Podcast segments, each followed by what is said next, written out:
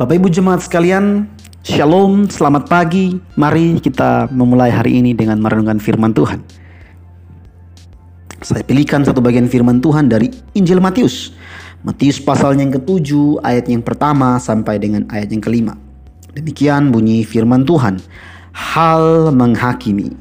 Jangan kamu menghakimi supaya kamu tidak dihakimi. Karena dengan penghakiman yang kamu pakai untuk menghakimi, kamu akan dihakimi. Dan ukuran yang kamu pakai untuk mengukur akan diukurkan kepadamu. Mengapakah engkau melihat selumbar di mata saudaramu, sedangkan balok di dalam matamu tidak engkau ketahui?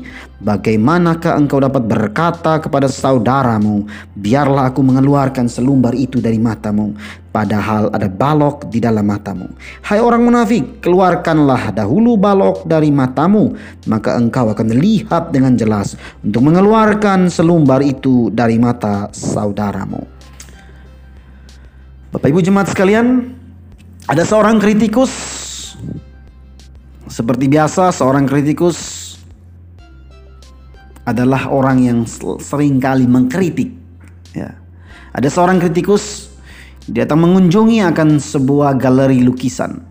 Dia mencoba melihat-lihat lukisan yang ada namun kali ini dia lupa membawa kacamatanya. Kemungkinan sang kritikus ini matanya mulai rabun. Dia harus mengkritik tapi dia tidak membawa kacamatanya. Semua lukisan yang dilihatnya dikritiknya sampai ia tiba di sebuah cermin besar. Dengan semangatnya ia berkata, "Aduh, lukisan ini jelek sekali. Mana ada lukisan orang seburuk ini di dunia?" Semua orang yang mendengarnya tertawa karena dia tidak sadar bahwa ia sedang mengkritik dirinya sendiri di hadapan cermin. Bapak Ibu jemaat sekalian, firman Tuhan menasihatkan kepada kita agar kita lebih dahulu mengoreksi diri sendiri. Dalam bacaan tadi ayat yang kelima. Sebelum kita membantu orang lain untuk mengerti kelemahannya, terlalu mudah memang untuk mengkritik dan melihat kelemahan orang lain. Tuhan Yesus ingin murid-muridnya selalu membereskan diri terlebih dahulu untuk dapat melayani orang lain. Balok yang ada di mata kita dapat membuat kita tidak jelas memandang orang lain.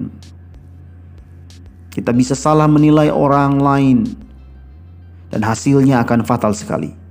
Kita sibuk untuk memikirkan orang lain tanpa memandang kita punya kelemahan yang besar.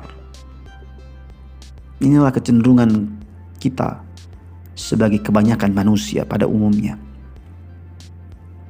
Pada pagi hari ini kebenaran firman Tuhan menyadarkan kita terlebih dahulu, menolong kita untuk melihat terlebih dahulu bahwa pemberesan itu mulai dari kehidupan kita dulu. Cek diri kita, apakah kita sudah hidup sesuai firman Tuhan atau belum? Tanyakan kepada sahabat-sahabat rohani yang menolong kita bertumbuh agar mereka dapat memberikan umpan balik untuk kita dapat menjadi pribadi yang lebih baik. Tanyakan kepada mereka, bagaimana dengan hidup saya engkau lihat? Jika ada yang salah, berikanlah kepadaku masukan yang baik untuk merubah hidupku. Fokus pada serpihan kayu dulu sebelum melihat balok besar milik sesamamu. Fokus pada serpihan kayu dulu sebelum melihat balok besar milik sesamamu. Mari kita fokus melihat pada apa yang ada di depan mata kita terhadap diri kita barulah kita mengkritik orang lain. Sebab terkadang ada balok besar di mata kita dan kita cenderung melihat selumbar di mata orang lain.